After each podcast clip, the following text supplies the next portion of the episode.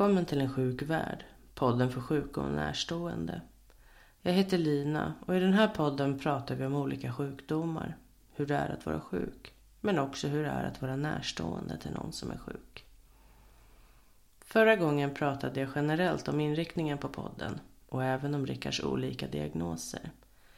Den här gången vill vi dela med oss av en del av resan dit, om motgångarna man kan stöta på när man söker vård men också om guldkornen som helhjärtat lyssnar och vill hjälpa.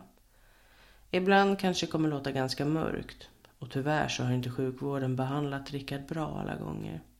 Och som jag sa i förra avsnittet så är det svårt att vara sjuk idag. Ibland är det som att man måste vara frisk för att orka kämpa för den vård man behöver och har rätt till. Nej, jag tänker inte göra någon hemlighet i att det tidvis har varit fruktansvärt svårt att få den hjälpen Rickard har behövt. Vi har stött på läkare som haft fördomar mot hans tatueringar till exempel och frågat honom om han är med i mc-gäng på grund utav dem och om han brukar vara våldsam. För det brukar tydligen män med tatueringar vara. Den frågan resulterade i att patientnämnden kontaktades.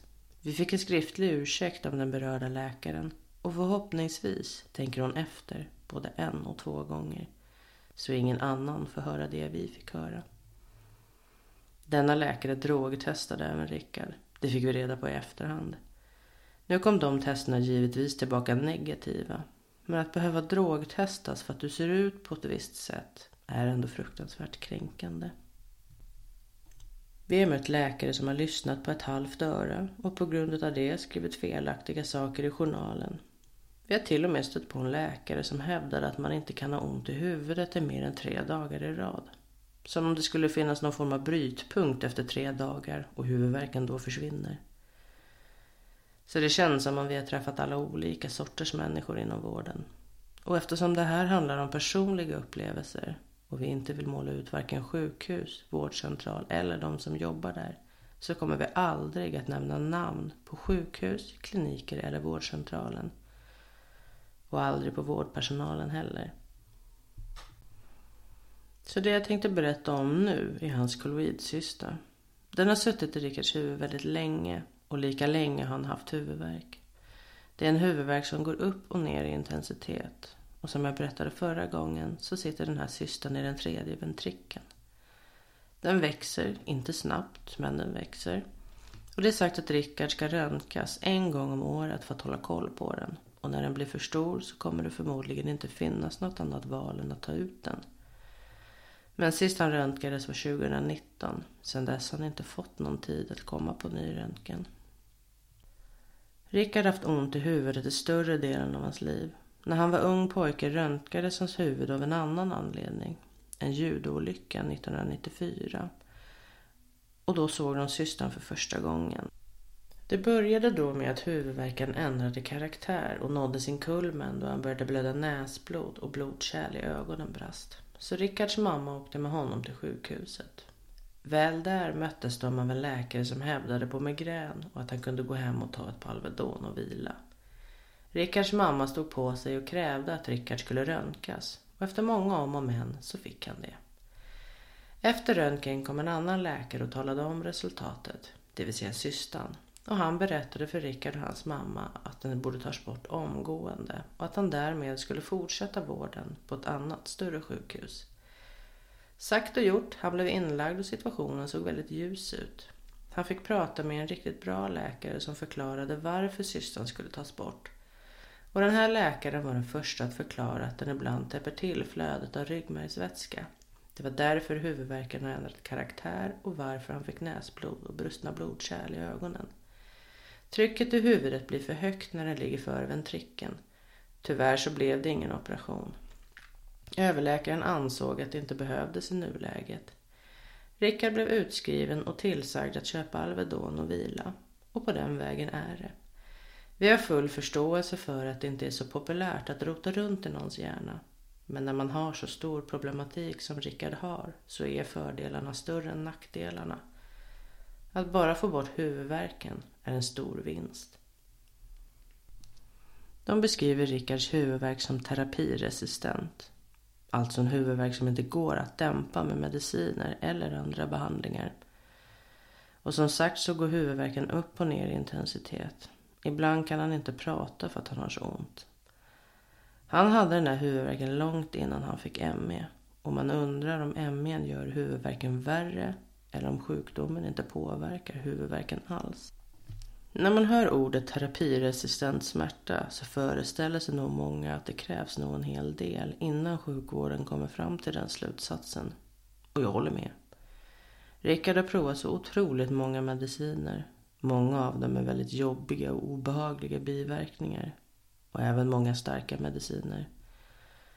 Och med tanke på den verk och smärta som finns närvarande varje dag så vill Rickard inte ha starka preparat.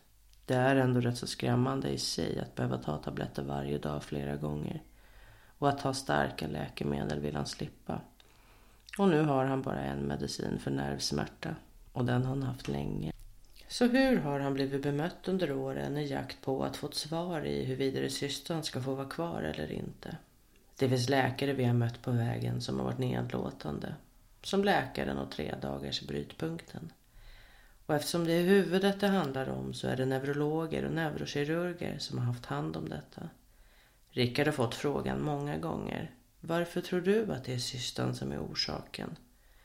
Såklart att man tror att orsaken är en cysta som växer och som inte ska vara där. Och just denna del av hans sjukdomar är ett pågående kapitel. Huvudvärken går inte att dämpa och vi ska lägga på igen nu om en röntgen. Men vi hoppas såklart att den bästa lösningen kommer fram snart. Trots allt så drar man ju slutsatsen att den terapiresistenta huvudvärken kan bero på cystan som växer där inne. Och det finns en stor förhoppning om att måendet överlag kan förbättras om huvudvärken i den bästa av världar försvinner helt. Men många dagar skulle nog Rickard nöja sig med att den minskades lite. MEn kommer aldrig att försvinna. Utmattning och verken som kommer med ME är beständig. Men det kan vara lättare att hantera utan huvudvärken. Och eftersom jag själv har migrän så är just den delen av värk lätt att relatera till. När ett migränanfall är på ingång så blir jag rätt så oanvändbar om migränmedicinen inte tas i rätt tid. De senaste åren har Rickard haft turen att få en fantastisk husläkare. Den läkaren tar alltid Rickards symptom och frågor på allvar. Han har från början gjort allt för att försöka hitta rätt medicin och sätt som funkar för Rickard. Han kommer med idéer och förslag. Alla borde vara som honom och jag som anhörig känner mig fullkomligt trygg och litar på det han säger. Och framförallt så gör Rickard det också. Han är engagerad och lösningsorienterad. Men man kan säkert säga att det inte var så här vi trodde att familjelivet skulle se ut. Rickard trodde aldrig att hans liv skulle se ut så här. Att behöva planera minsta lilla detalj i sitt liv. Att inte kunna göra saker som andra ser som självklara. Att möta alla fördomar. Förvånansvärt många tror att många sjukdomar grundar sig i lathet och ovilja att göra saker. Speciellt om det handlar om sjukdomar som folk inte förstår eller har så mycket kunskap om. Och självklart får alla tycka och tänka som de vill. Men jag hade önskat att de som inte förstår frågar istället för att anta. Det underlättar ju ändå för alla. Och det dessa människor inte vet, det är att Rickard och andra där ute som lider av någon sjukdom som påverkar arbetsförmågan och förmågan att leva ett så kallat normalt liv.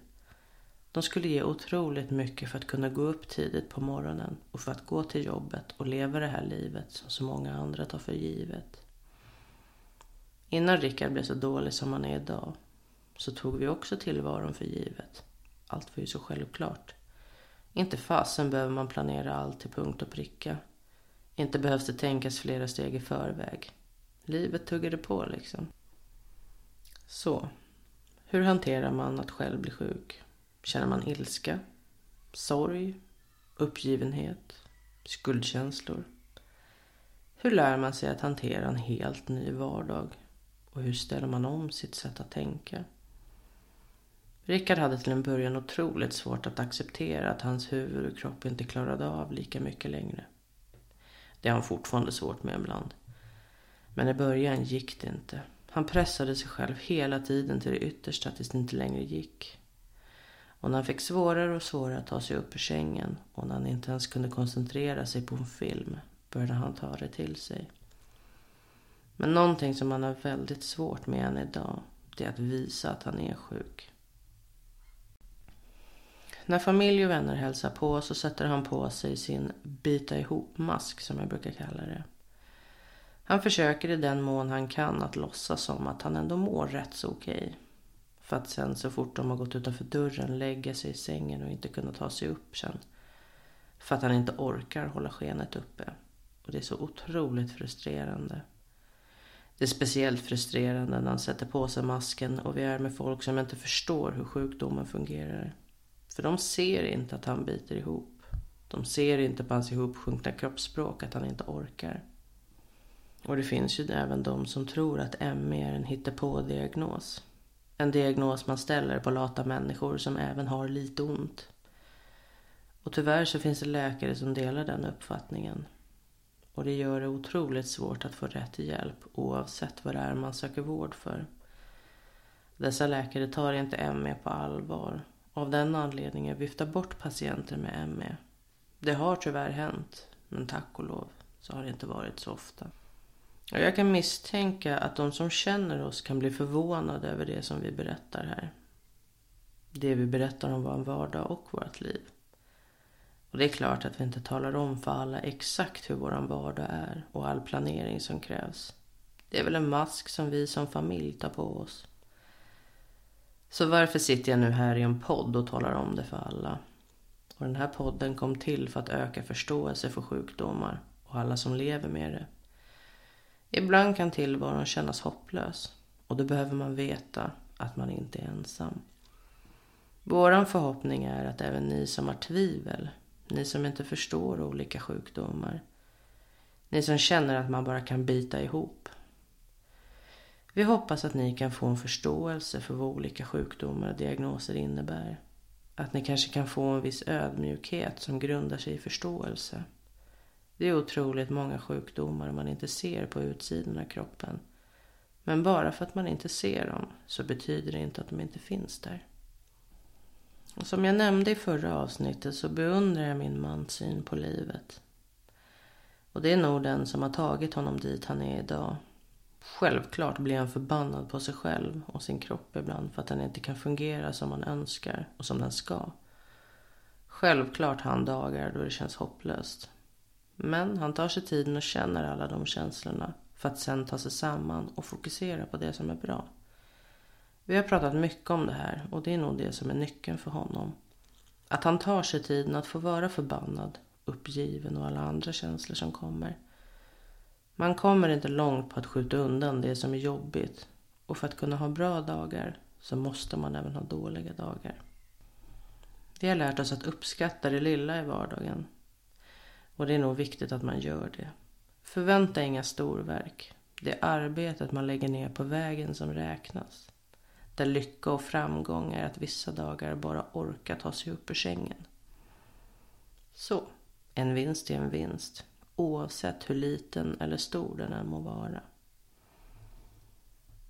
I det här avsnittet har vi även en lyssnarberättelse Märta delar med sig av en bit av hennes resa med huvudvärk och hur hon har upplevt sjukvården. Hon berättar följande. Efter att ha fått huvudvärk som inte tillhörde det normala började jag få svårigheter att lyfta armarna och en smärta som satt i nacke och ner i axlarna. Så sökte jag akutvård på ett av Stockholms stora sjukhus.